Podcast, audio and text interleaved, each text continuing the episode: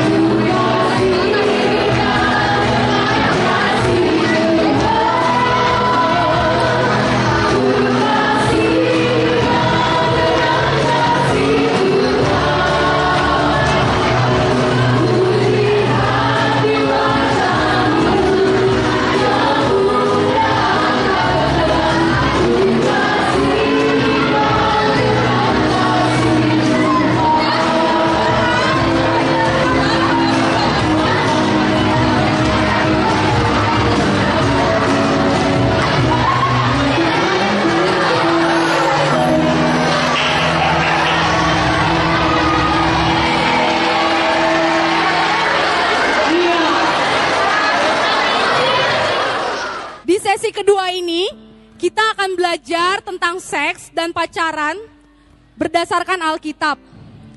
Banyak sekali cerita cinta yang ada di dunia ini. Namun, cinta siapakah yang terlebih besar yang ada di dunia ini?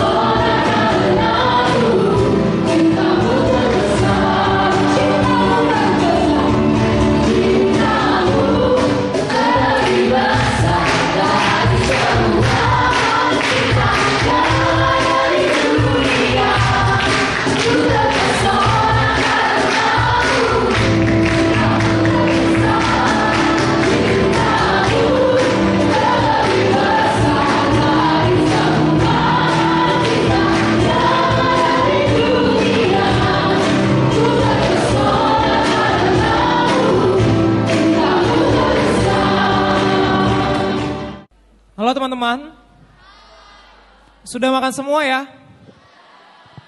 Biasanya kalau udah makan terus kenyang. Setelah kenyang ngantuk. Tapi berharap dengan topik di sesi 2 kita jadi nggak ngantuk. Karena sesi 2 kita mau ngomongin tentang apa? Seks dan cinta. Malam ini malam apa teman-teman? Malam minggu ya. Ada yang datang sama pacarnya?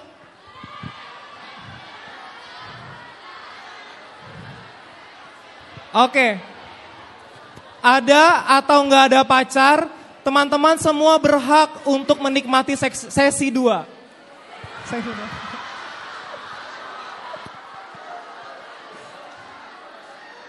Oke, teman-teman, untuk sesi 2 pembicara kita adalah Kak Alex Nanlohi. Saya akan mem- membacakan sekali lagi eh, biodata singkat tentang Kak Alex yang teman-teman wanita mungkin belum tahu. Kak Alex, eh, nama lengkapnya Alexander Agus Elias Nanlohi. Nama panggilannya Alex. Eh, asal sekolah SMA Negeri 1 Ujung Pandang. Asal kampus S1 Visip UI Komunikasi. S2 eh, di UK Misiologi Radcliffe College. Bang Alex bergereja di GPIB Kelapa Gading. Mari bersama-sama kita menyambut Kak Alex dengan tepuk tangan. Tuhan kami akan kembali belajar. Kami mohon Engkau mengajari kami, mendidik kami sejak kami muda. Supaya kebenaran-kebenaran-Mu menjadi kesukaan kami dan dasar bagi hidup kami. Berkati waktu ke depan, Tuhan memberkati hambamu yang menyampaikan setiap kami yang mendengarkan. Tuhan tolong kami semua. Agar kami bukan hanya jadi pendengar-pendengar firman yang setia, tapi mampukan kami dengan pertolongan dari rohmu yang kudus, kami boleh menjadi pelaku-pelaku firmanmu di dalam kehidupan kami. Bersabdalah ya Tuhan, kami anak-anakmu sedia mendengarnya. Dalam satu nama yang kudus, nama yang berkuasa, nama Tuhan kami Yesus Kristus, kami menyerahkan pemberitaan firmanmu. Amin. Kita akan lihat satu video dulu. Tadi sebenarnya harusnya saya putar di kelas pria ya. Tapi ini juga saya pikir jadi pergumulan untuk wanita juga ya. Walaupun memang spesifik ini pergumulan pria. Silakan.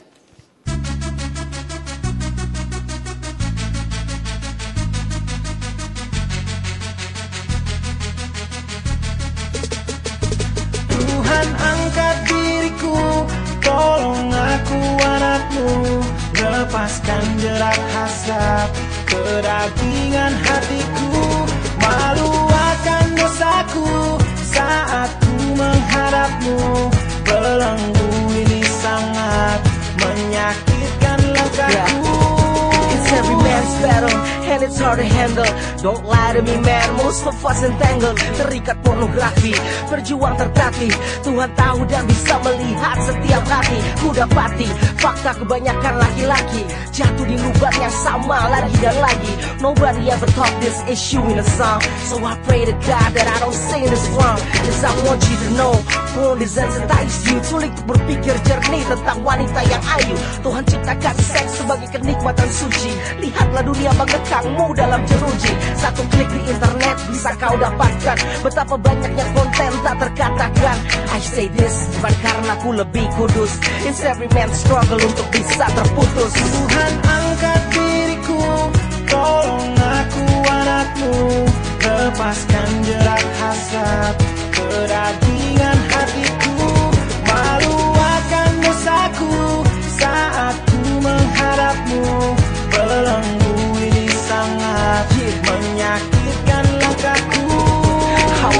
was serving God at day, watching porn at night. Dalam nuraniku tahu, this ain't right So I walk among friends, menahan malu. Sementara rasa salah menekanku selalu. So I know how you feel, I know what it's like But we can't give in, we have to fight. I see porn around me everywhere, di mana mana Foto video HP saling tukar sesama. Di rumah, sekolah, kampus, di tempat kerja. I don't know, apakah juga di gereja. Tuhan ciptakan kita segambar dengannya But we keep crucifying him, memaku tangannya Di atas salib, menanggung dosa pornografiku. Tertundukku merata bersimpuh di kakiku. I say this, bukan karena ku lebih kudus. It's every man's struggle untuk bisa terputus. Tuhan angkat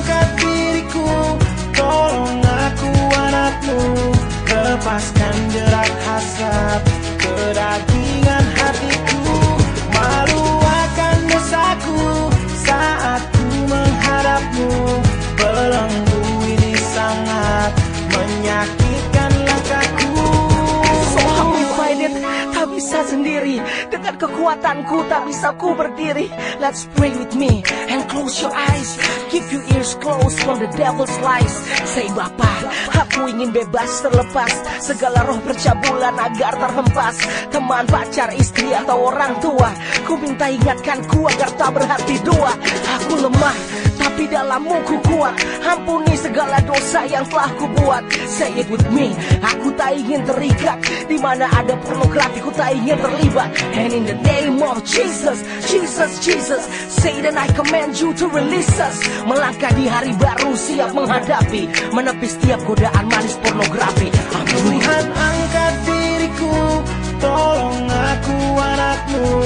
Lepaskan jerat hasrat Kedagingan hatiku Malu akan dosaku Saat ku menghadapmu. Belenggu ini sangat Menyakitkan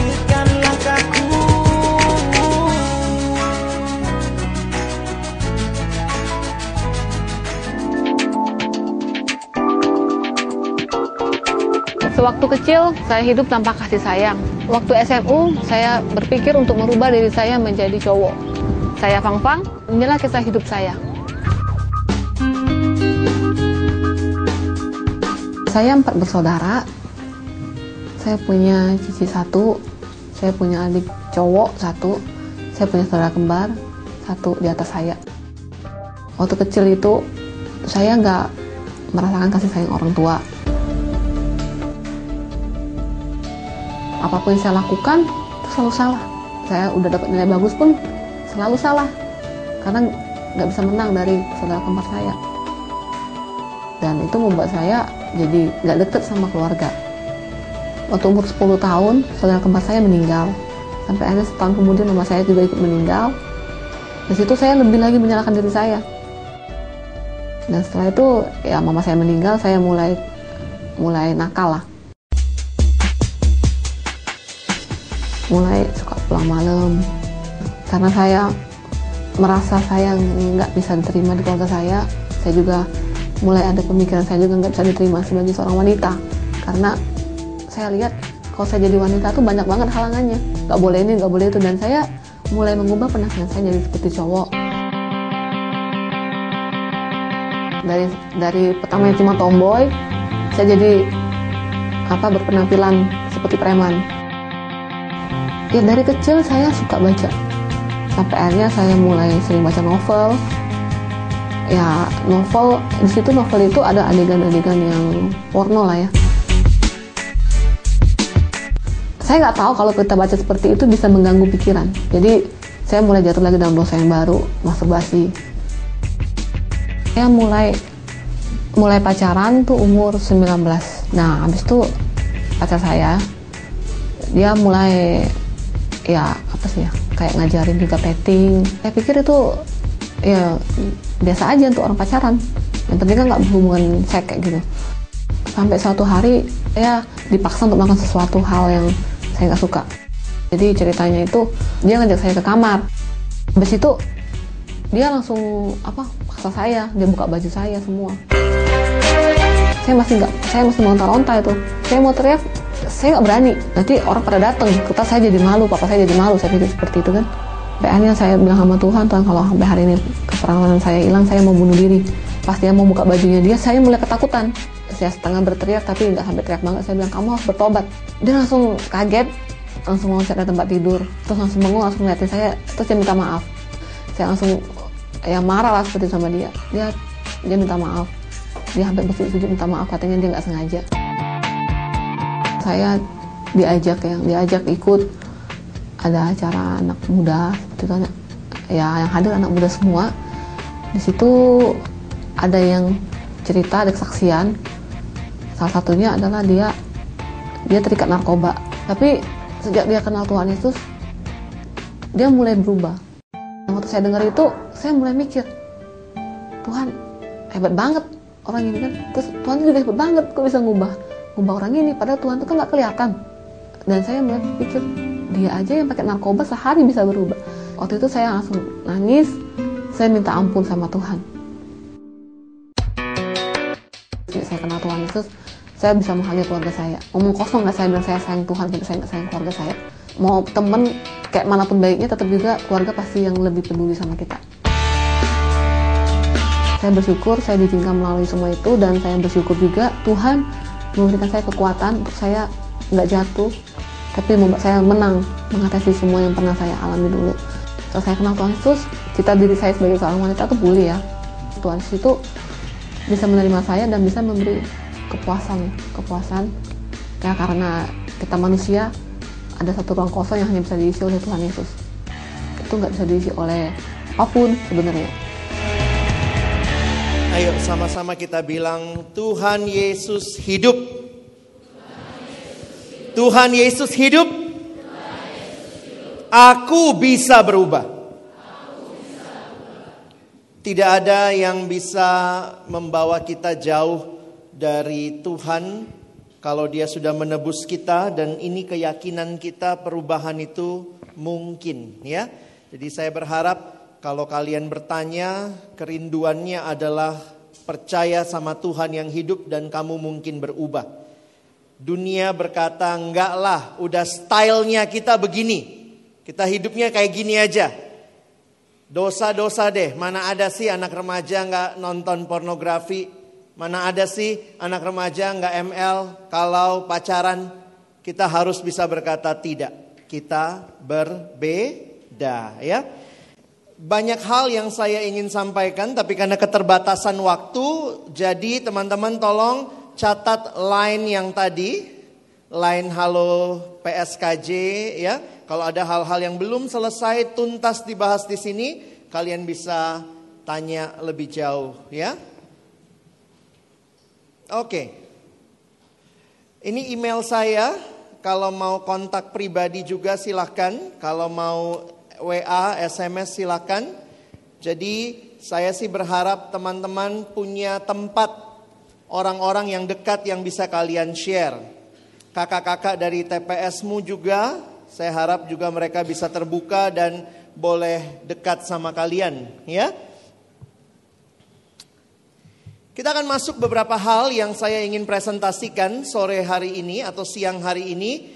Yang pertama, zaman ini berubah sangat cepat.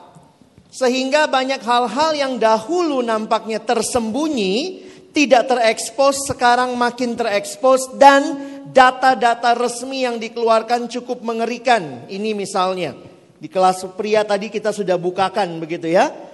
Ini, saya harap kamu tidak masuk dalam data ini. Kamu yang tidak termasuk sisanya. Itu pun sedikit sekali. Tadi yang cowok malah mau ganti yang terakhir itu ya. 100% sudah lihat pornografi katanya gitu ya. Ngeri juga kalau gitu ya. Ini data aborsi dan ini juga data yang resmi. Saya ingatkan sering kali data resmi sama data yang sebenarnya jauh lebih banyak. Resmi itu karena pemerintah juga tidak mau tercoreng mukanya. Seringkali itu data-data yang disampaikan. Pornografi jadi hal yang tadi juga saya bersyukur untuk orang-orang yang kreatif membuat video tadi atau lagu rap tadi, kerinduan untuk bebas, untuk Tuhan tolong angkat aku, ya. Harusnya ada kerinduan seperti itu. Fenomena LGBT belakangan makin melanda. Harusnya sih udah dibahas tadi gitu ya, sehingga saya tidak usah ulangi lagi. Nah, mungkin ini juga fenomena lain kalau bicara cinta. Nah. Pacaran beda agama, ya.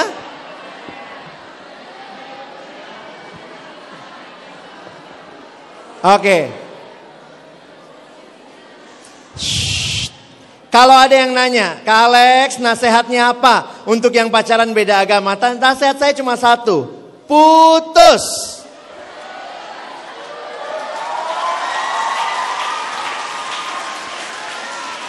Kalau kamu berargumen, tapi kak, tapi kak, tapi kak, saya akan tetap jawab, putus.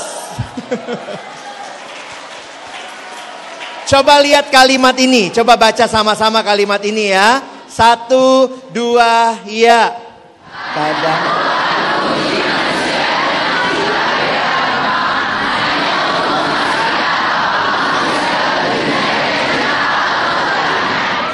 Kasihan ya lo.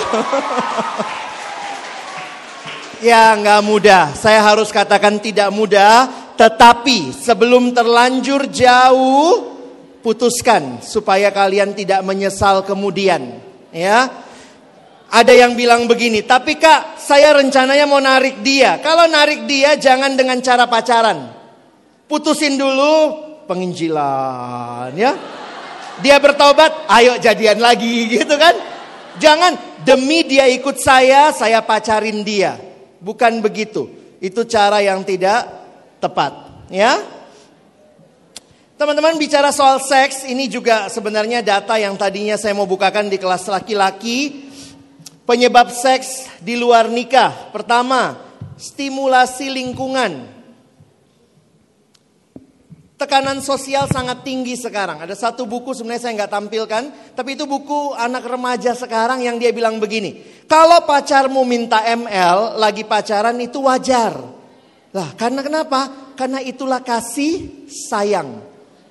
ML dalam pengertian making love, maksudnya having sex sebelum menikah. Dan Alkitab jelas mengatakan tidak. Ya, Seks dibicarakan di segala tempat dan di segala waktu. Sekarang kayaknya di mana-mana dibebaskan orang bicara seperti itu. Saya termasuk hati-hati juga teman-teman, adik-adikku, ketika kau biasa mencanda, bercanda-canda hal yang jorok. Hal-hal yang hal seks itu sebenarnya kudus Tuhan yang ciptakan. Kalau kamu bawa bercanda, saya pikir kamu tidak menghargai dan menghormati Tuhan yang menciptakan seks ya. Nilai-nilainya makin liberal, pendidikan pun tidak memadai. Banyak yang bercerita bahwa di sekolah tidak dapat materi-materi seperti ini. Tekanan dalam diri, kepo tingkat dewa. Nah itu ya. Kenapa anak remaja kayaknya pengen tahu segala sesuatu. Fantasi yang tidak terkontrol. Memang ngeri ya.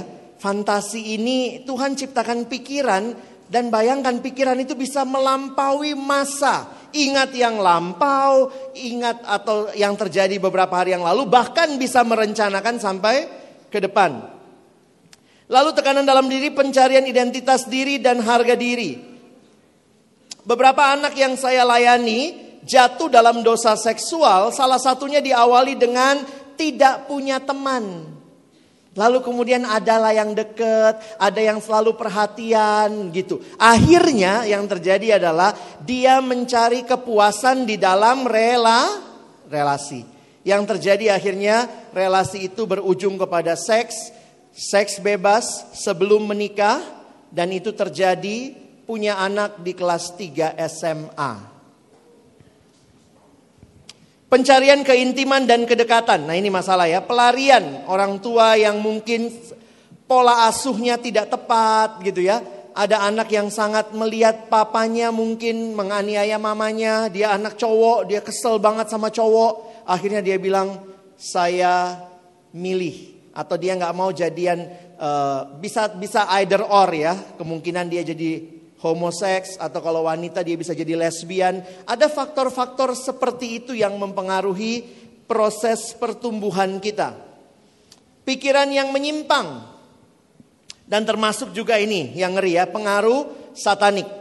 Beberapa ilmu-ilmu hitam itu kaitannya sangat dekat sama hubungan seks. Maksudnya salah satu caranya misalnya masuk ke sekte itu, ke ilmu itu adalah dengan melakukan hubungan seks. Jadi ini mungkin sekali terjadi. Ada satu gereja di tahun saya mahasiswa itu berkembang dengan slogannya cium kudus. Wah, jadi habis kebaktian cium kudus karena di Alkitab kan ada cium kudus. Lalu dia artikanlah cium kudus. Lalu habis habis kebaktian having sex. Wah, banyak banget anak remaja datang ke sana. Anak remaja sukanya begitu kali ya. Wuh, gitu ya. Apalagi di atas namakan kebaktian, gitu ya. Oh jangan heran, ini bukan baru terjadi sekarang. Di zaman dulu, di zaman Paulus melayani, bahkan ada istilah yang namanya pelacur bakti. Ada pelacur yang disediakan di kuil-kuil Dewi Artemis. Itu contohnya kitab Efesus. Kalau kalian lihat kondisi kota Efesus, ada kuil yang besar, itu kuilnya Dewi Cinta, Dewi Artemis. Atau diyakini sebagai Dewi Kesuburan. Lalu apa yang orang lakukan? Ibadahnya itu adalah datang ke temple dan di situ disediakan kurang lebih 3000 pelacur bakti. Pelacur yang tujuannya untuk kebaktian. Jadi ibadahnya apa? Ibadahnya yaitu bersetubuh. Pasti rajin banget orang beribadah waktu itu ya. Ngeri loh. Jadi kebaktiannya bersetubuh. Nah, saya kalian udah dewasa ya, saya cerita gamblang. Itu mereka bersetubuh lalu menjelang klimaks Sebelum pria itu klimaks, maka dia akan mengeluarkan spermanya itu di tanah. Itulah lambang kesuburan yang dimengerti pada waktu itu. Jadi di, di kuil Dewi Artemis banyak ruang-ruang tempat kebaktian dan pelacurnya disediakan. Yang datang memang waktu itu berbakti laki-laki. Datang kebaktian, keluarkan spermanya ke tanah, itulah lambang kesuburan. Jadi bayangkan yang namanya ritual agama dan seks dari dulu sudah banyak ajaran-ajaran menyimpang yang mengkaitkan hal tersebut. Dan sering kali karena yang nafsunya lagi tinggi-tingginya adalah anak-anak remaja. Makanya hati-hati ya. Kalau ada kebaktian-kebaktian atas nama kebaktian gerejanya aneh-aneh, hati-hati. Ada yang dulu bilang, "Kak, ada gereja setan." Nah salah satunya itu katanya gitu ya, ada hubungan seks di akhir kebaktian. Terus dia nanya, bagaimana pendapat Kak Alex tentang gereja setan? Saya bilang, bagus itu. Kaget dia. Kok bagus? Setan aja ke gereja, apalagi kau, mesti lebih rajin. Nggak usah diurusin lah ya. Itu bukan urusan kita ya. Nah, Saya bahas fenomenanya dulu lah ya. Nanti soalnya gini, Kak Alex tidak tahu persis Kak Riko bawakan apa. Jadi saya nggak mau terlalu overlapping sama Kak Riko. Nanti bagian love-nya banyak Kak Riko yang bawain ya. Nah teman-teman perhatikan ini. Dampak seks di luar nikah. Dampak negatifnya itu masalah emosi ya. Rasa bersalah, cemburu, takut, cemas, tidak aman, marah, depresi Orang-orang yang pernah menikmati seks sebelum pernikahan, saya harus katakan hati-hati bahwa ini sekarang terjadi kegangguan secara kejiwaan. Maksudnya apa? Ada perasaan tidak aman, tidak tenang. Apalagi di tengah-tengah masyarakat kita yang semakin lama memang semakin permisif, tetapi kita masih mengakui nilai-nilai kayak keperawanan gitu ya. Kita masih mengakui nilai-nilai yang namanya kekudusan. Saya pikir mari kita tidak ikut semangat zaman ini. Secara spiritual juga banyak orang-orang yang keluar dari gereja kenapa? Karena tidak mau ada dalam gereja yang menuntut hidup kudus. Jadi pelan-pelan mundur, mundur, mundur. Nah sayangnya memang gereja kurang merangkul. Kadang-kadang orang-orang seperti itu jadinya keluar dan terhilang bahkan mungkin pindah agama yang lain. Saya berharap kita tetap punya kerinduan untuk bisa uh, dekat dengan orang-orang yang seperti ini untuk kita bawa mereka kembali kepada Tuhan. Saya ceritakan cerita ini beberapa kali karena ini terjadi di dalam pengalaman pelayanan saya. Jadi saya ketemu uh, pengurus lah, saya nggak usah bilang di mana, tapi pengurus Rokris salah satu SMA di Jakarta beberapa tahun yang lalu. Saya pimpin retret mereka Kayaknya sekolahnya mungkin ada kali di sini ya, nggak usah disebut ya. Jadi sekolah tit ini pengurusnya nih di kebaktian atau sorry di retret biasalah di retret karena kita banyak waktu bareng. Tiba-tiba ada satu pengurus cewek datang sama saya, Kak Alex boleh sharing nggak? Oke, terus kemudian saya bilang apa mau di sharingkan dek? Kak, aku pacaran sama si Tit gitu ya. Si Tit itu ternyata ketua rokrisnya. Itu ketua rokrisnya waktu dia tunjuk. Kakak tahu, aku kan pacarannya sama dia. Oh iya, saya lihat emang anaknya ganteng gitu ya. Anaknya ganteng, pemimpin rokris. Lalu kemudian dia bilang, tapi kak, kakak tahu. Kami udah terlalu jauh. Maksudnya apa? Orang kalau sharing, konseling mesti kita jelas tanya. Maksudnya terlalu jauh apa? Sampai ke Bogor? Ya kayak gitulah kak. Kayak apa? Jauh sampai ke mana? Eh, kami sudah lakukan itu kak. Itu apa? Jelas, spesifik. Kami udah lakukan hubungan suami istri. Beberapa kali kami petting.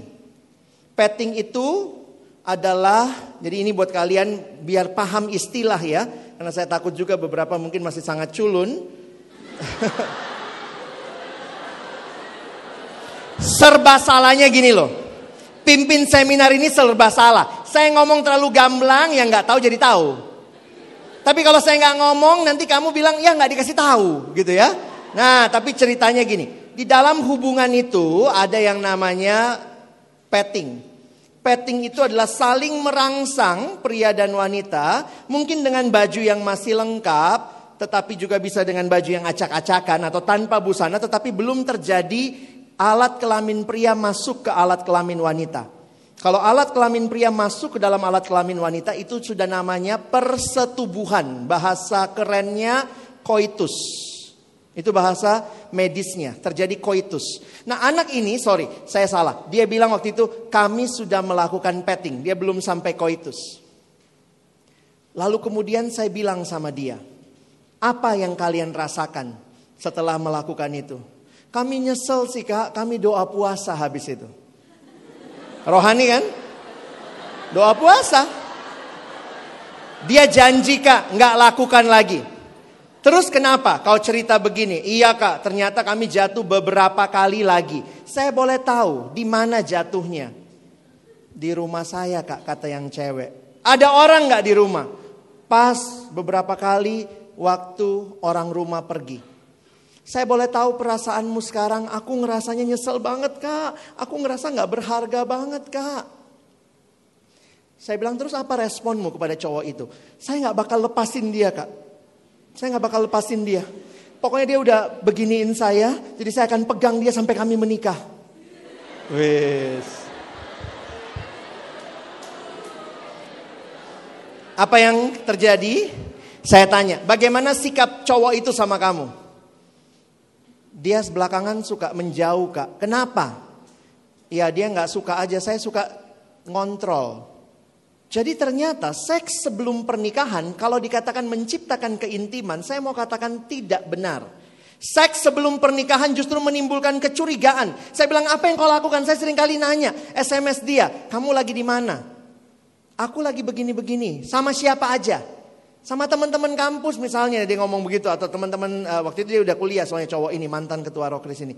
Dia bilang, saya sampai tanya kak, sama siapa aja nama temennya? Jadi cewek ini kena penyakit curigation. Kenapa?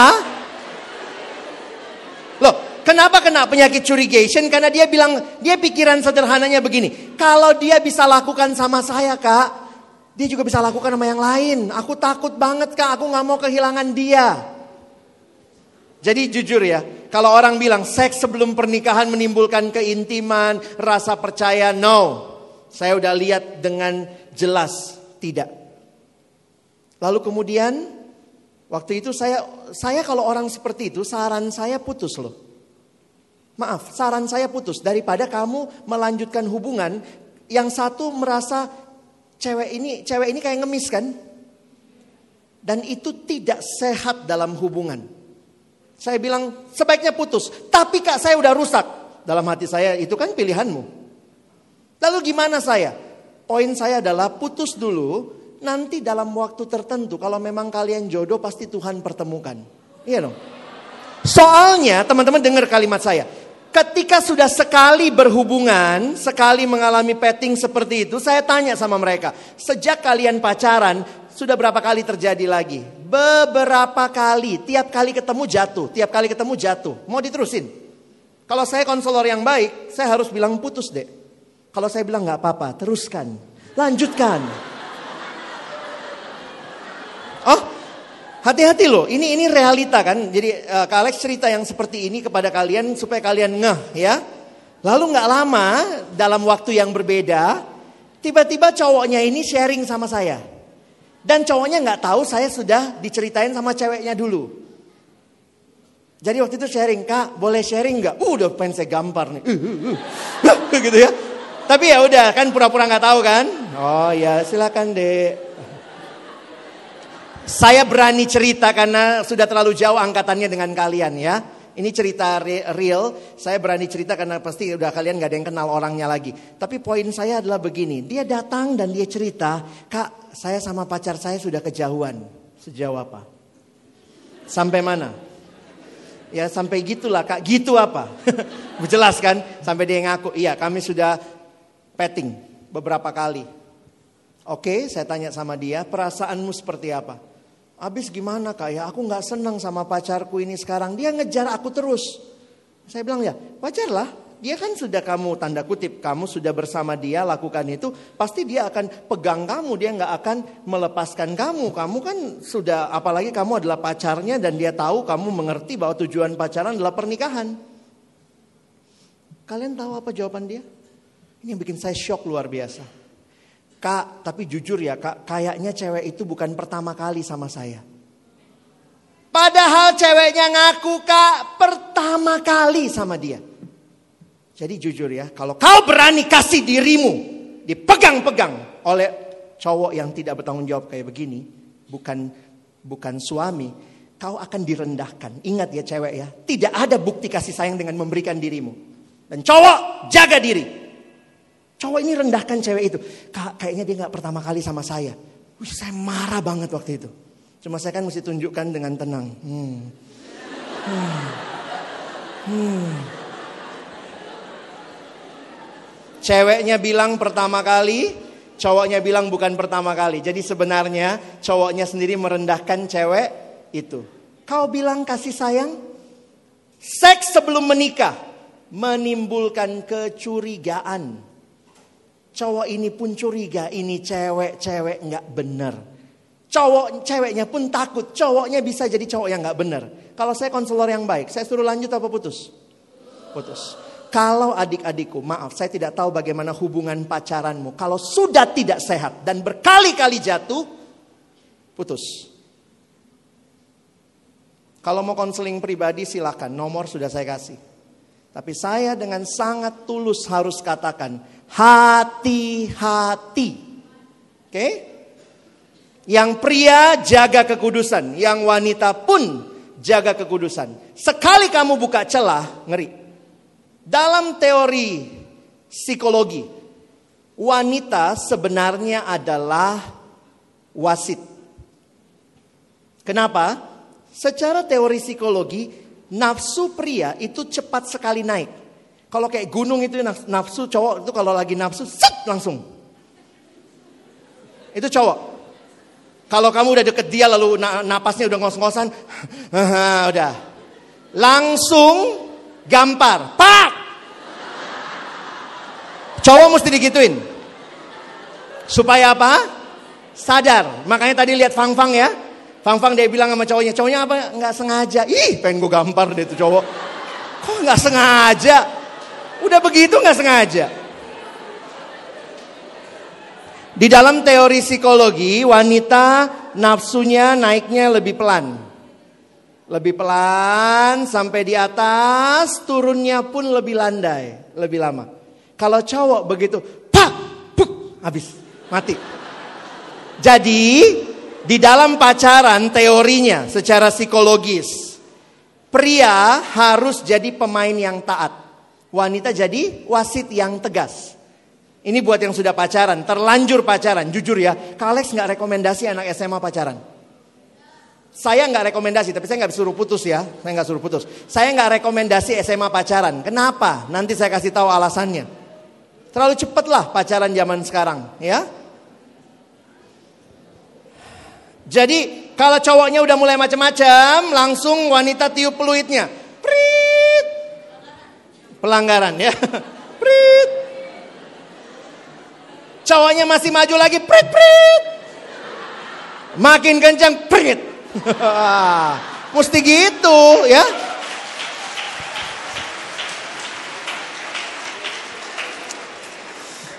Saya nggak tahu kalian tepuk tangan untuk apanya ya. Saya bingung bener. Ngapain tepuk tangan? Lakuin gitu ya. Oke. Tapi jujur lah ya. Saya harap kalian ngerti bebannya Kak Alex yang berdiri di sini. Kami kakak-kakak TPS, abang kakak staff. Please, please tolong. Ini bukan sekedar kita main-main pacar-pacaran. Relasi ini relasi yang Tuhan berikan ya. Nah, saya mau bicara love dulu secara sekilas. Saya udah kasih banyak contoh. Sekarang saya masuk prinsipnya. Sesudah itu kita boleh tanya jawab ya.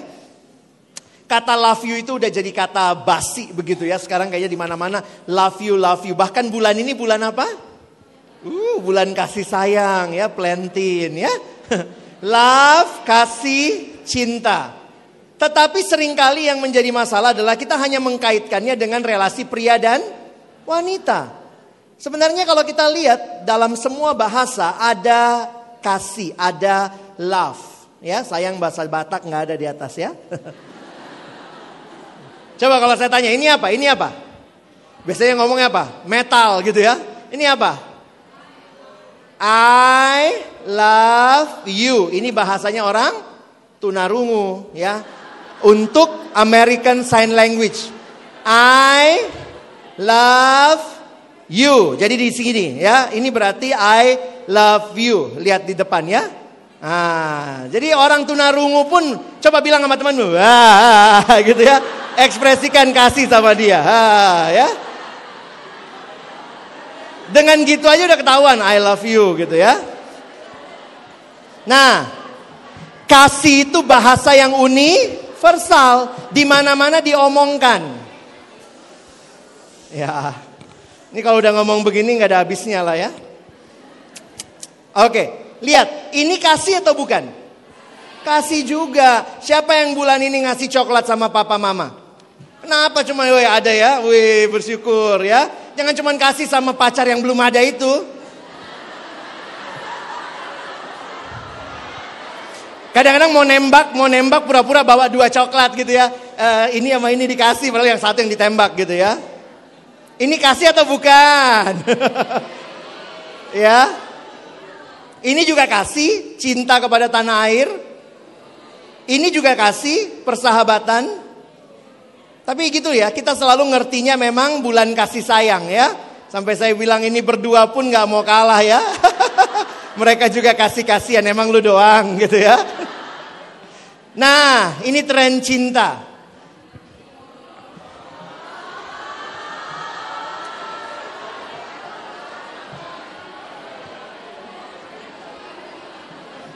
Waktu film ini kalian udah lahir belum sih? Udah. Emang nonton? Eh, udah nonton? Eh, ini salah satu film revolusioner. Kenapa saya bilang revolusioner? Kenapa? Walaupun saya nggak setuju revolusionernya. Inilah pertama kali film remaja Indonesia ada deep kiss.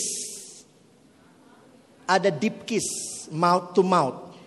Di ada apa dengan cinta. Kalau kalian lihat, sekarang semua film juga gitu kak. Film Indonesia juga.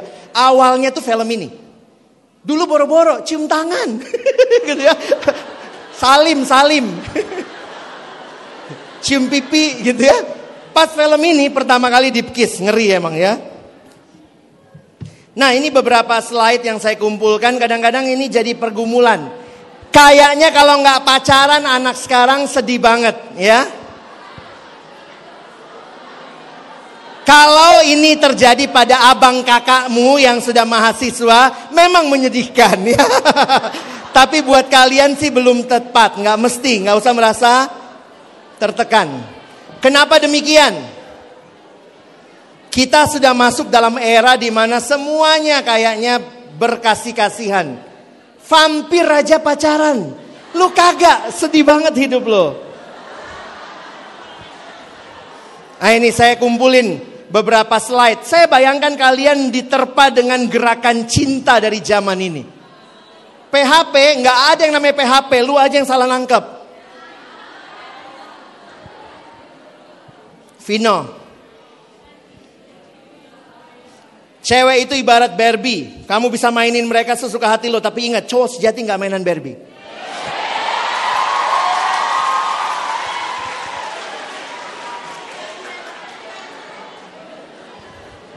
Jangan mau nunggu kelamaan. Ingat ini hati bukan halte.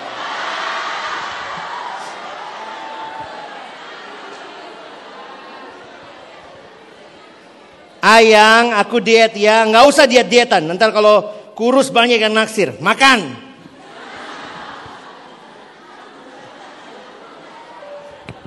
Ini kebahagiaan katanya. Setuju? Setuju? Ini ngeri kali. Nah udah lihat sendirilah ya. Wisuda cuma didampingi orang tua aja, itu wisuda atau ambil rapor? Sedih ya. Tapi teman-temanku, saya mau ingatkan pada siang hari ini. Inilah cara dunia membentuk pola pikir kita. Tapi bagaimana firman Tuhan? Apa yang disampaikan? Nah kita coba lihat ayat 9 dan 10 sebentar ya. Saya akan banyak lewatin slide-nya. Mudah-mudahan Kariko nanti angkat lebih jauh lagi. 1 Yohanes 4 ayat 9 dan 10. Yuk kita baca sama-sama ya yang sudah ketemu. 1 Yohanes pasal 4 ayat 9 dan 10. Yuk yang bisa baca baca ya. Ya kalau nggak bisa nggak apa-apa gitu ya. Yuk satu dua ya.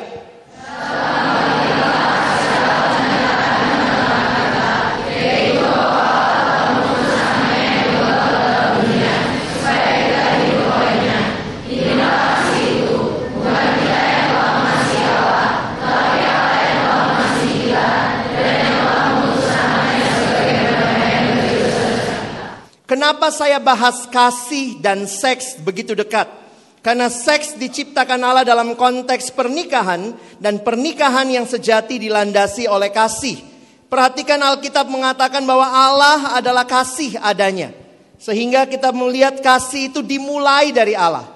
Jadi kasih ini dimulai dari Allah dan kalau kita mau belajar tentang kasih jangan belajar dari film Korea. Belajar dari Allah. Itu kasih yang sejati. God is love. Apa bukti kasih yang sejati? Coba baca sama-sama satu dua ya.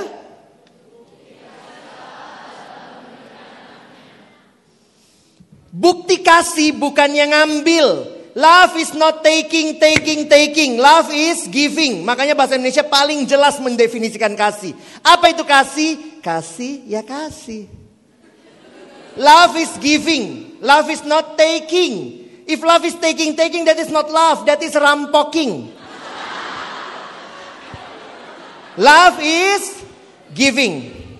Makanya kalau mau belajar kasih lihat dari Allah. Kalau ada yang bilang aku mengasihimu tidur yuk sama aku. Aku mengasihimu yuk cium dulu. Itu bukannya ngasih, itu rampok. Rampok. Makanya lagu paling jelas tentang kasih itu yang paling mirip sama kasih Allah ada yang bilang kasih orang tua. Nah lagunya itu ya. Kasih ibu kepada beta tak terhingga sepanjang masa. Gimana kasih itu? Hanya memberi, tak harap kwitansi. Ya ya.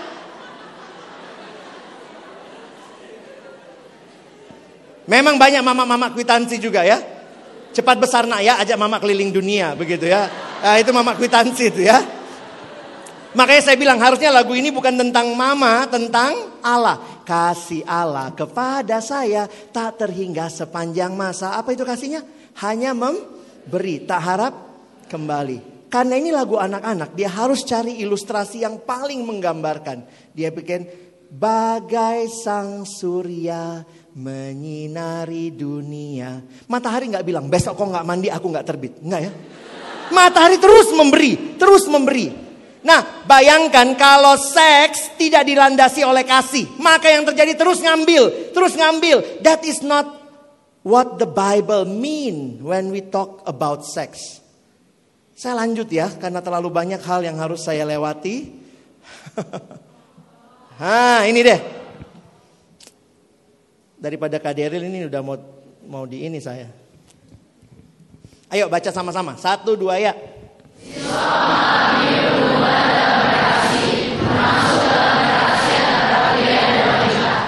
Tapi faktanya kalau tidak ada kasih, lihat nih faktanya. Wish. Santai bro. Santai, santai.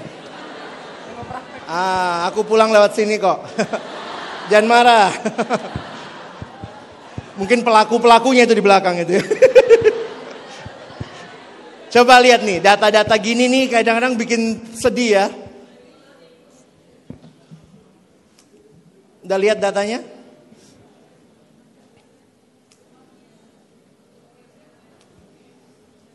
Saya harap adik-adikku kalian dua yang nggak ngapa-ngapain yang paling kanan itu ya. Oke, saya tutup kira-kira 3-4 menit ini dengan definisi-definisi pacaran ya. Apa itu pacaran? Kita mesti bicara kalau tidak ada landasan kasih maka ngeri sekali. Alkitab tidak bicara tentang pacaran. Memang jelas Alkitab cuma bicara pertunangan dan pernikahan. Tapi karena kita jelas konsepnya bahwa sesudah pacaran maka langkah selanjutnya per, pertunangan atau pernikahan, maka kita tarik konsepnya ke belakang. Karena pernikahan kudus, pacarannya pun kudus. Jangan pernikahannya kudus, pacarannya kudis. Nggak klop, ya. Coba lihat definisi ini. Saya lihat ke sana karena laptopnya ke sana. Menurut kamu yang mana? Tren-tren yang terjadi sekarang. Mungkin kalian bisa nambahin lagi. Semua orang pacaran malu dong kalau jomblo terus. Kalau gitu bisa juga dong. Semua orang masuk penjara. Malu dong kalau nggak masuk penjara gitu. Kadang-kadang kita goblok sama tren ya. Bener, kita dibohongin sama tren. Ini definisi yang bervariasi. Kalian lebih setuju definisi yang mana? Pacaran itu punya teman dekat yang tetap. Sama dengan TTM. Pacaran itu relasi khusus dengan doi yang mengasihi dan dikasihi. Jadi nggak usah mikir jauh sampai pernikahan. Pacaran itu satu langkah penting sebelum pernikahan. Hanya dengan orang yang sudah dipertimbangkan serius untuk menjadi calon istri suami. Isinya adaptasi dan penjajakan terakhir. Yang mana yang kalian setuju? Hah? Yang terakhir? Oh udah, udah berhasil sesi kita mari kita tutup doa ya. Gampang ngomongnya, susah dilakuin ya. Iya ya. Karena realitanya teman-teman, saya coba bayangkan begini. Bayangkan kalau anak muda, anak remaja pacaran tidak punya pengertian tentang kasih. Kalian tahu kenapa cinta remaja disebut cinta apa? Pernah lihat monyet? Jangan bilang ini di sebelah bang. Pernah lihat monyet?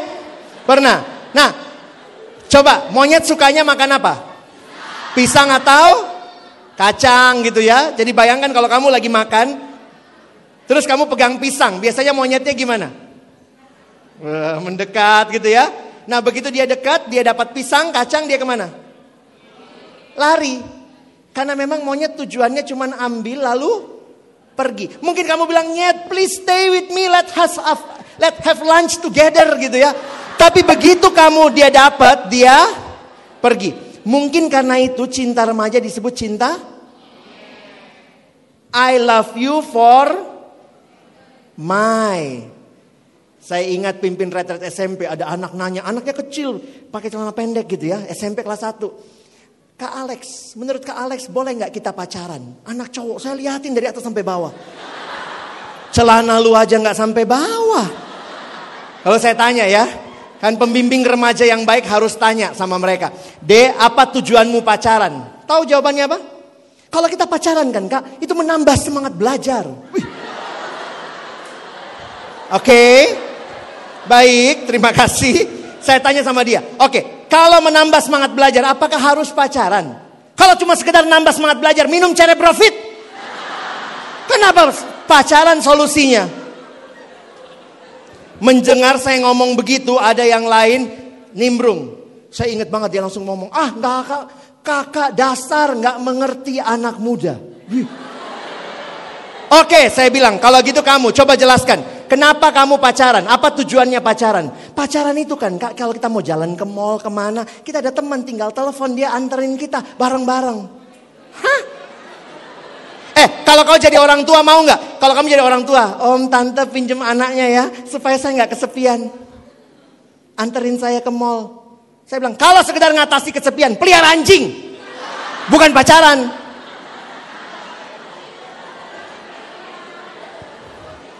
Nah, saya mau tutup dengan kalimat ini buat kalian ya.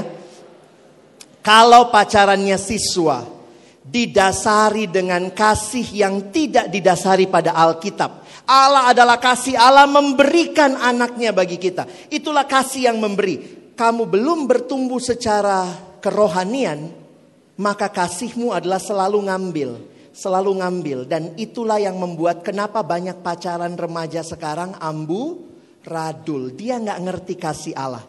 Di hadapan altar pernikahan, perjanjiannya apa? Aku mengasihimu dalam suka dan dan dan senang gitu. Remaja belum siap mengucapkan itu. Karena itu secara jujur saya katakan saya melihat belum semua remaja siap pacaran. Kalau kau bertumbuh dalam kasih, mengerti kasih, kau siap pacaran. Tapi yang kedua juga ingat umurmu. Mau merit umur berapa?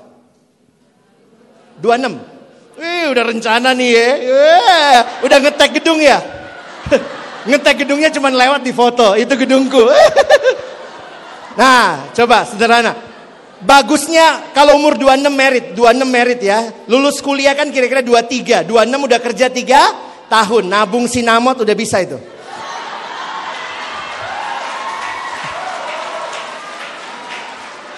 Kalau kelamaan jadi S2 dia, lebih mahal sinamotnya. Oke. Sekarang Kak tanya, mau pacaran berapa lama? Pacaran tuh bagusnya berapa lama sih? Dua hari. Jujur, pacaran kelamaan bagus nggak? Pacaran kecepatan bagus nggak? Ya, kira-kira berapa lama dong pacaran? Dua tahun, tiga, empat, tiga lah ya. Oke, dua. Berarti gini, dengar kesimpulan saya.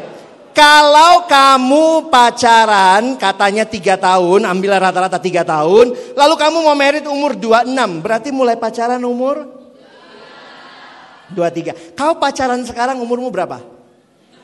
Ayo, ngomong umurmu berapa? 20? Hah? Baru 16. Berarti kamu akan pacaran dengan konsep yang benar 10 tahun ke depan. Siap? Ini masa berteman. Karena itu jujur, kalau saya saya tidak rekomendasi anak SMA buru-buru pacaran. Kalau sudah masuk kuliah silakan. Mulailah explore. Begitu lihat, ih ini cocok jadi mamanya anak-anak. Ah gitu ya. Saya gitu. Oke deh, thank you. Oke, thank you Kak Alex. Jadi pengen buru-buru praktek ya? Oke, teman-teman kita akan masuk sesi tanya jawab. Saya minta ditampilkan prinsip berpacaran. Lihat di depan-depan ya, memuliakan Tuhan dalam kasih, dalam kekudusan.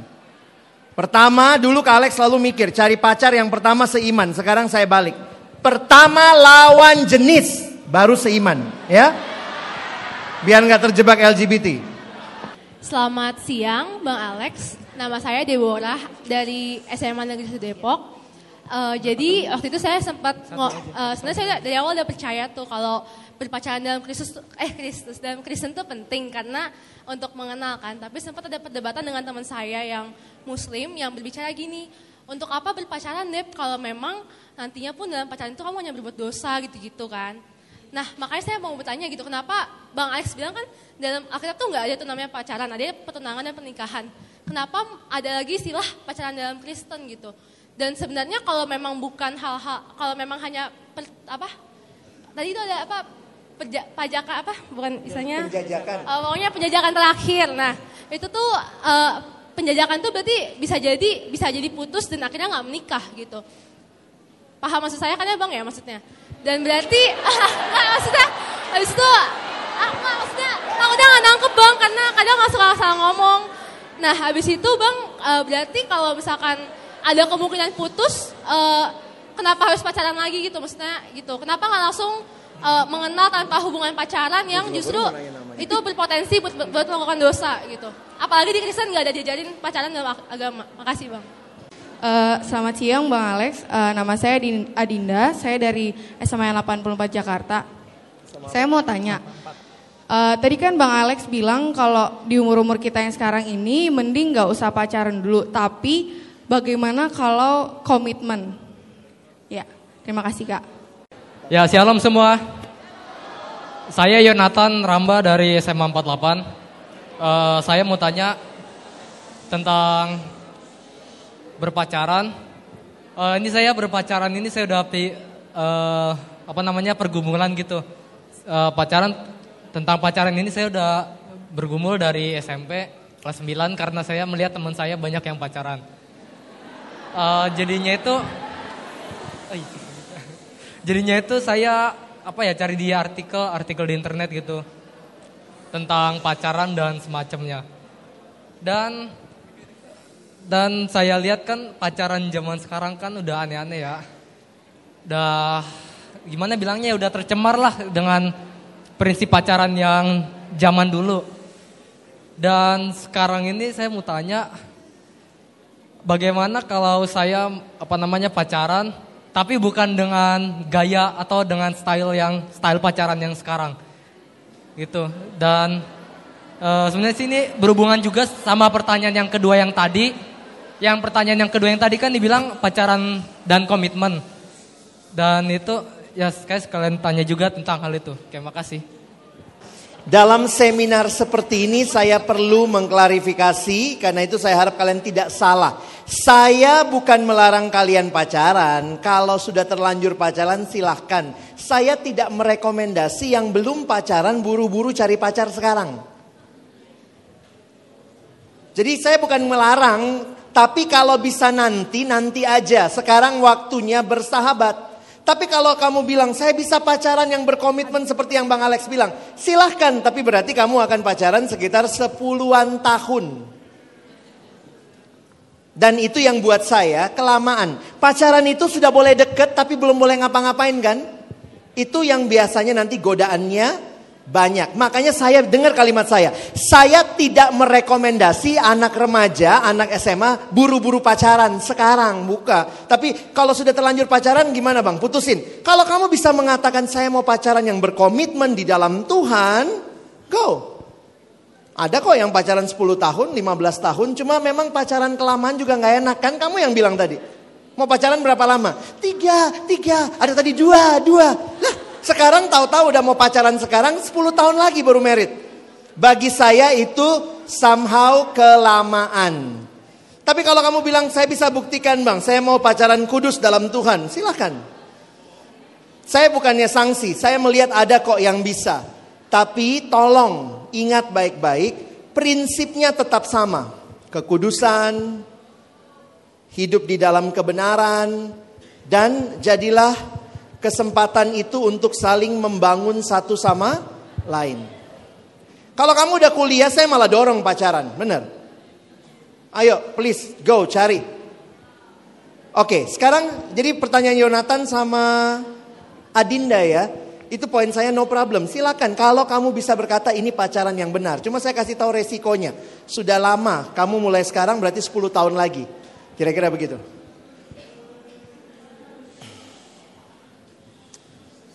Ada satu fenomena, saya, saya cerita aja ya. Selalu cinta itu nggak ada teorinya teman-teman. Berlaku buat saya belum tentu berlaku buat kamu. Kalau cintanya ya, tapi teori dasarnya prinsipnya sama. Kebenaran, kekudusan. Itu ada di Alkitab ya. Kita nggak bisa tahu teorinya persis gitu. Tapi sederhananya saya mau bilang begini. Ada anak karena terlalu cepat pacaran, selalu rasanya ada orang di sisinya. Ada orang di sisinya. Sehingga akhirnya anak ini putus. Dia putus di masa mahasiswa, dua minggu kemudian udah jadian lagi. Kenapa? Saya nggak bisa sepi bang. Lo kan banyak teman. Ternyata masa-masa dia berteman udah habis untuk pacar pacaran. Bayangkan kalau dari SMP udah pacaran, berarti kan cuma berdua, dunia milik berdua, dunia milik berdua, yang lain ngekos gitu ya. Buat kamu dunia milik berdua. Makanya saya bilang ini masa-masa sebenarnya untuk bersahabat. Perbanyak sahabat. Tapi juga saya lihat yang sedih sekarang sih banyak yang suka PHP ya. Cowok-cowoknya sok PHP, ceweknya sok baper gitu. Aduh sedih juga sih. Kalau ada yang menunjukkan perasaan, belajarlah menerima. Ini ini kalau yang udah terlanjur pacaran dan siap pacaran, kalau ada yang menunjukkan perasaan, biasanya kan cowok yang nunjukin perasaan ya. Cewek harap hargai dengan baik. Aku aku itu kadang-kadang cowok sampai maju itu sudah satu RT doain itu. Jadi tolong hargailah waktu dia maju. Oh gitu.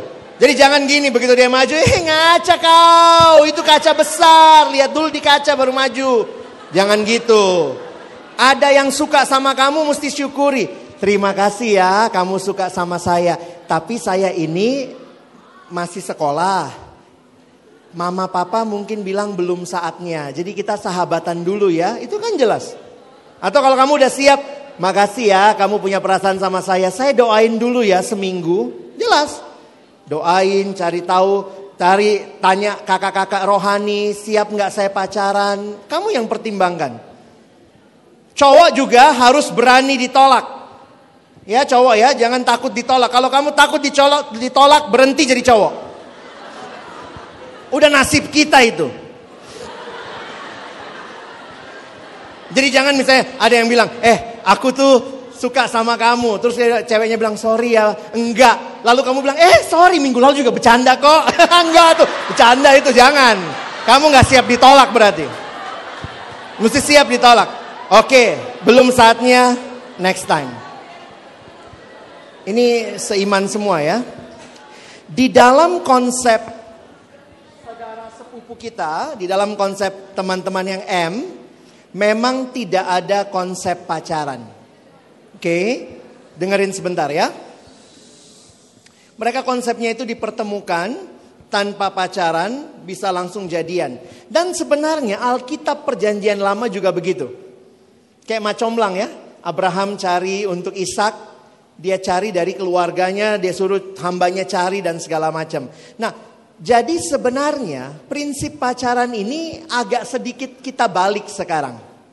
Alkitab tidak bicara pacaran, tetapi perhatikan, di dalam hukum Yahudi, kalau orang menikah, maka diharapkan di tahun pertama pernikahan mereka belum punya anak. Tahun pertama atau tahun kedua, tetapi itu masa saling mengenal. Jadi jangan dulu sampai ada interupsi, interupsi anak. Bayangkan kalau dia baru kenal, padahal dijodohin, belum kenal-kenal amat, langsung ada interupsi anak. Jadi konsep orang Yahudi, jangan langsung punya anak. Nah, kita ini kan sekarang ngebalik polanya. Kita kenal dia dulu, pacaran dulu, baru menikah. Tapi dalam realitanya begini, saya melihat tidak apa-apa. Prinsip ini pun bisa kita lakukan dan pacaran yang Kristiani bisa jadi teladan. Bagaimana yang satu belajar mengasihi, yang satu belajar mengasihi dan jangan dikatakan daripada lu pacarannya berbuat dosa, itu kalau pacaran dengan hawa nafsu. Tapi kalau pacaran dengan kasih, malah justru jadi berkat. Orang bisa melihat, iya ya, mereka saling mendukung, saling membangun. Jadi jujur aja kalau saya sendiri melihat, jangan karena di Alkitab tidak ada pacaran, lalu kemudian kita lihat saudara sepupu kita mereka memang tanpa pacaran, lalu kita jadi skeptis sama pacaran. No, bagi saya itu cara yang Tuhan pakai mempersiapkan kita dalam penjajakan terakhir. Makanya kalau pacarannya jelas tujuan akhirnya, kamu pun akan bisa jelas pacarannya. Isinya pacaran apa? Jangan ngomong, eh, nanti kita pergi ke bulan ya yang. Eh lama. Kalau betul arah pacaranmu pernikahan, maka yang dibicarakan apa? Nanti mau tinggal di mana? Habis menikah, bapak mamaku ikut aku atau ikut kamu? Bapak mamamu bakal ikut sama kamu? nanti di mana kita beli rumah, kamu bilang, ibang jauh banget. Makanya jangan dari sekarang pacaran. Sekarang bersahabat gitu ya, eh nonton, nonton, jalan-jalan. Kalau pacaran itu kalau mau yang serius memang mesti mempersiapkan pernikahan. Nanti kalau punya anak, siapa yang kerja? Itu kan mesti dibicarakan. Jadi banyak orang tidak jelas pacarannya isinya apa karena tujuannya nggak jelas. Kalaupun tujuannya jelas karena kelamaan pacaran potensi berbuat dosanya lebih besar. Makanya saudara sepupu kita itu agak nyalahin kita. Ah Kristen sih ngajarin pacaran, pantas waktu pacaran lihat film bule. Baru ketemu masuk kamar, ketemu masuk kamar. Kita dicap pacaran itu membuat orang jatuh dalam dosa. Padahal bisa dengan kualitas yang baik. Ya. Silakan tiga orang penanya juga. Ya, shalom semua. Nama saya Arli dari SMA Negeri 3 Depok. Tadi Bang Alex sempat bilang kalau kita dipengaruhi sama persepsi dunia. Nah, sekarang-sekarang ini kan muncul persepsi dunia bahwa Tuhan itu satu, kita yang berbeda. Nah, tapi nyatanya ketika kita pacaran beda agama, mereka pasangan kita itu menyangkal Allah yang nyata dalam diri Yesus. Nah, jadi sebenarnya benarkah persepsi itu? Nama saya Titus, saya dari SMA 48 Jakarta. Ini saya mau nanya nih ke Bang Alex, kan sekarang kan lagi di SMA itu trennya pacaran noh. Nah, buat buat saya nih yang masih jomblo gimana tuh uh, yang saya mau tanyain gimana caranya untuk apa namanya mengatasi rasa minder saya karena yang lain pacaran dan saya masih jomblo. Terima kasih. Shalom Bang Alex, saya Robert dari SMA 64. Robert, saya, sorry. Robert dari SMA 64. Saya mau nanya, kalau kita ada kebelet pengen pacaran, pacaran yang baik itu kayak gimana yang harus dilakuin? Baik, terima kasih pertanyaannya bagus-bagus. Sekarang ada definisi LDR yang berbeda juga ya. Ya, kita LDR tapi satu kota. Kenapa bisa LDR? Karena beda rumah ibadah.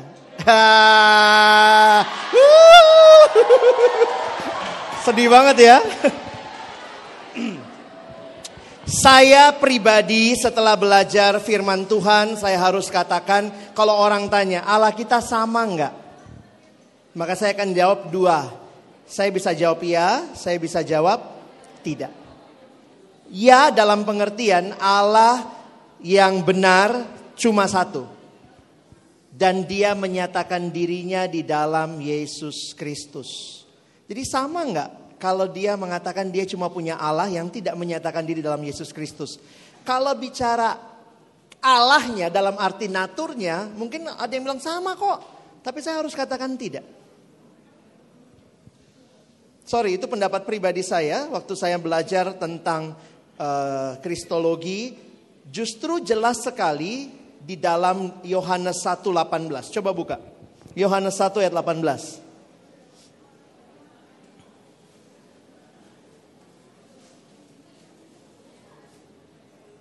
Bisa tolong bacakan buat kita Yohanes 1 ayat 18. Satu, dua, iya.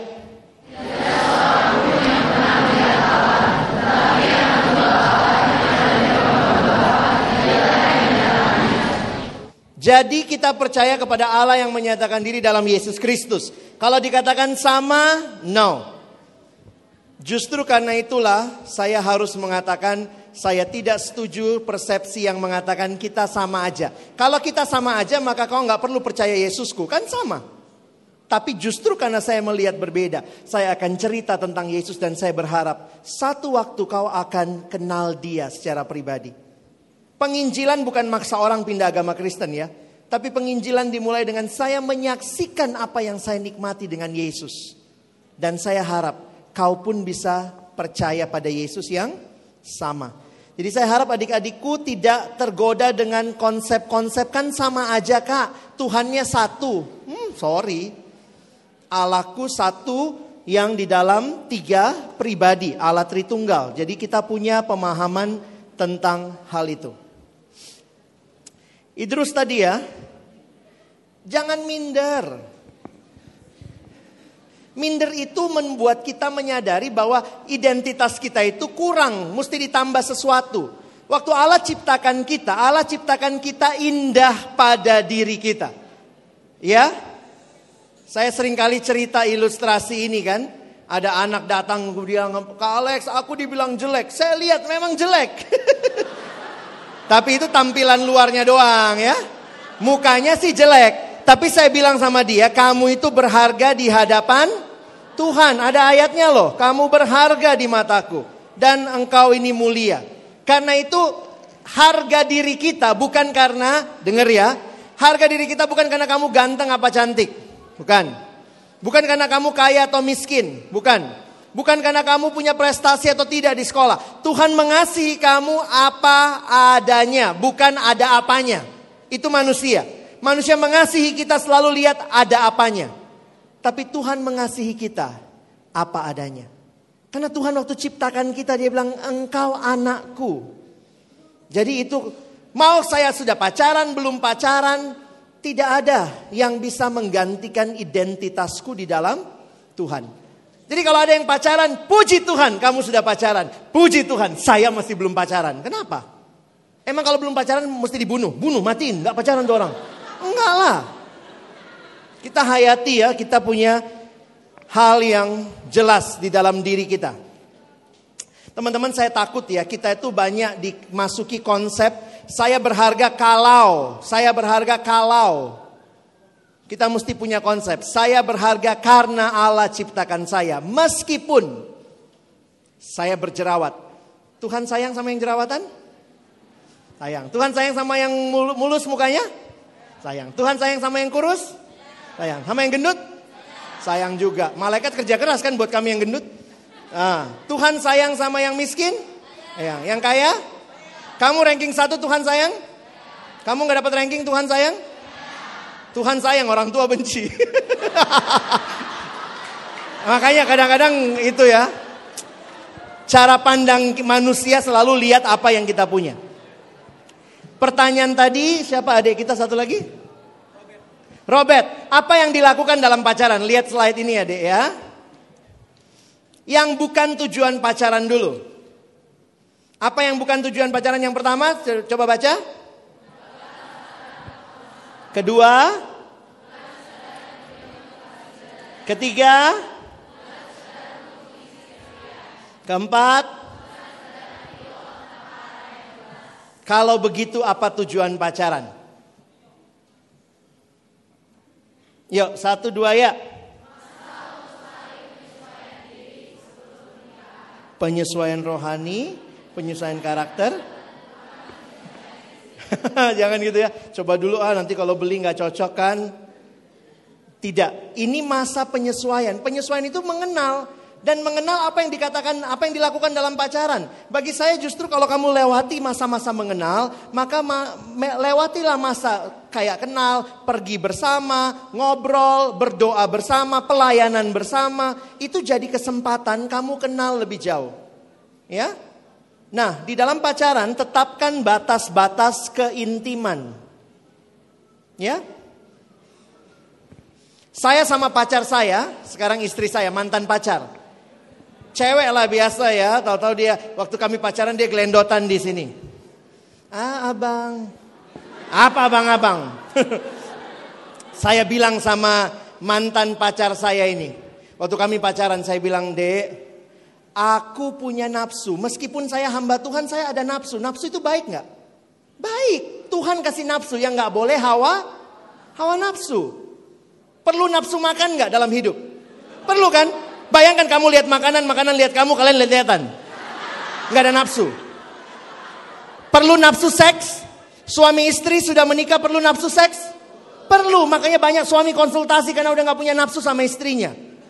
Loh, perlu nafsu. Bayangkan suami telanjang, istri telanjang, terus apa itu? Oh, daging lewat gitu. Nggak bisa. Butuh nafsu deh. Ya. Siapa yang ciptakan nafsu? Siapa yang ciptakan nafsu? Tuhan. Tuhan kasih nafsu itu. Nah, yang jadi masalah adalah kalau belum waktunya hati-hati mempermainkan nafsu jadi hawa nafsu. Jadi waktu istri saya peluk saya, dia pegang tangan saya, saya bilang, Dek, saya ada nafsunya nih. Lepasin. Ah abang apa sih? Lepasin. Saya tahu batas keintiman. Saya dipegang dikit korslet. Apalagi dengan orang yang saya sayang. Jadi bayangkan kan ini ini kita butuh eros kan? Kasih kasih suami istri, dia pegang saya, saya berasa. Lepasin. Ah apa sih? Lepasin. Mau selamat nggak? Lepasin. Eh bener. Jadi saya bukan sosok yang kayak film-film bule, ciuman. Kalau ditanya, saya pacaran tiga setengah tahun. Abang berapa kali cium istri waktu pacaran? Saya cium dia tiga kali. Pada waktu dia ulang tahun dalam tiga tahun kami pacaran, saya cium pipi dan di depan teman-teman di perkantas. Cuma tiga kali. Saya nggak, ayo main ayo cium-ciuman gitu ya, pangku-pangkuan, no. Peluk, saya peluk dia satu kali. Peluknya lama, kenapa? Papanya meninggal. Saya peluk dia, sepanjang perjalanan ambulans, saya peluk dia, saya hibur dia. Selebihnya saya bilang, dek, bahkan kami nggak nonton. Waktu pacaran kami berdua sepakat tidak nonton ke bioskop. Kenapa? Bioskop itu mengerikan. Kita ngadap ke sana tapi tangan bisa ke mana-mana. Lalu gelap lagi kan? Jadi kita nggak mau. Kami mau pacaran dengan Pacaran itu enaknya ngobrol, cari tahu, ngobrol, saling tahu. Kalau film kita sama-sama lihat hal yang sama tapi nggak ada komunikasi. Kamu mesti tentukan loh, pacaranmu mau kayak apa? Loh abang pacarannya ngapain? Kami doa. Kami baca Alkitab sama-sama. Ih kolot banget hamba Tuhan sih. Enggak, saya jujur bilang adik-adikku yang sudah pacaran, mari bangun pacaran suasananya rohani. Ini lihat ya beberapa hal mungkin terakhir. Ayo baca yang pertama. Tips untuk menghindari seks bebas dalam pacaran. Satu dua ya.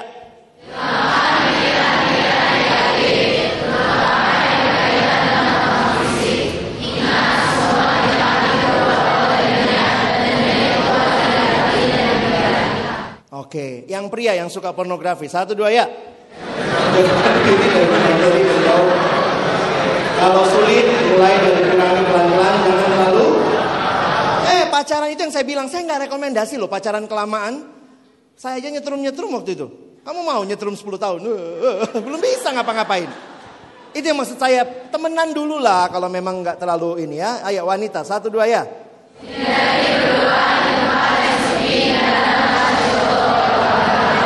Jauh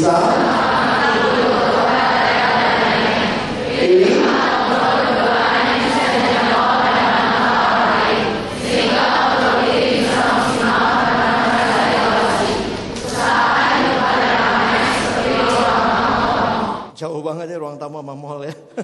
Gak apa-apa. Tapi itu menolong loh. Kalau kamu tidak, kamu senangnya pacaran tempat sepi, berdua, pegangan. Aduh udah deh. Coba sama-sama. Satu dua ya. Hmm, cowok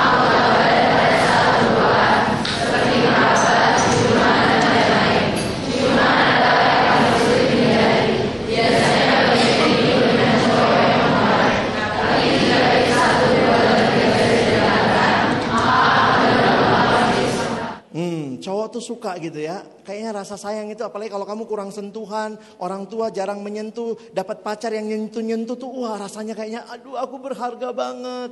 Ayo cium-cium dikit. Eh. Teman-teman saya kasih tahu lah ya. Saya kasih tahu nih. Seks itu nikmat, itu indah. Kenapa? Yang ciptakan Tuhan. Kadang-kadang kita ngelihat Tuhan itu anti kenikmatan.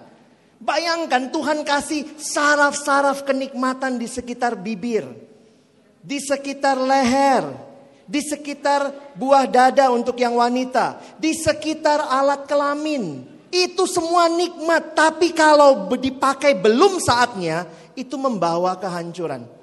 Setelah saya menikah, saya harus katakan kepada kalian, saya sudah nikmati semua, itu indah, indah sekali. Tapi itu dinikmati sesudah menikah. Jangan buka kado sebelum waktunya, ya. Terakhir, satu dua ya.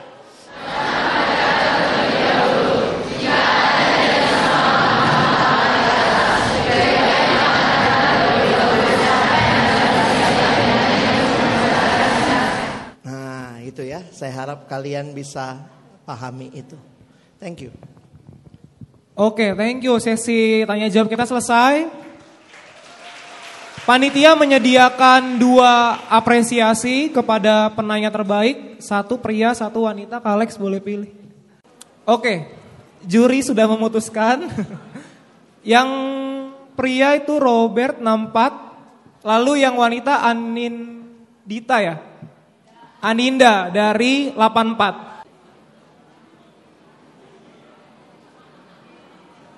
Terima kasih teman-teman.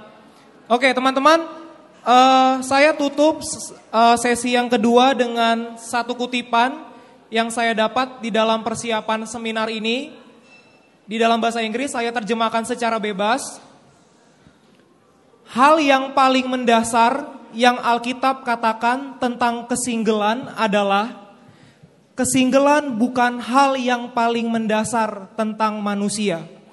Setiap orang, single atau punya pasangan, sama-sama dicipta dalam gambar Allah. Oleh karena itu, harga diri atau martabat kita sebagai manusia tidak bergantung pada status kita single atau berpasangan, tetapi pada status kita yang diciptakan dalam gambaran Allah. Mari kita berdoa.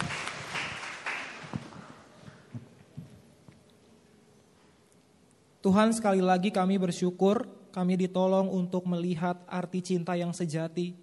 Biarlah ini boleh kami terapkan di dalam kehidupan kami. Tuhan tolong supaya kami boleh menikmati cintamu terus menerus dan membagikannya secara tepat secara khusus kepada lawan jenis orang yang kami cintai. Terima kasih Tuhan, berikan kami terus kekuatan untuk menikmati sesi terakhir, sesi ketiga.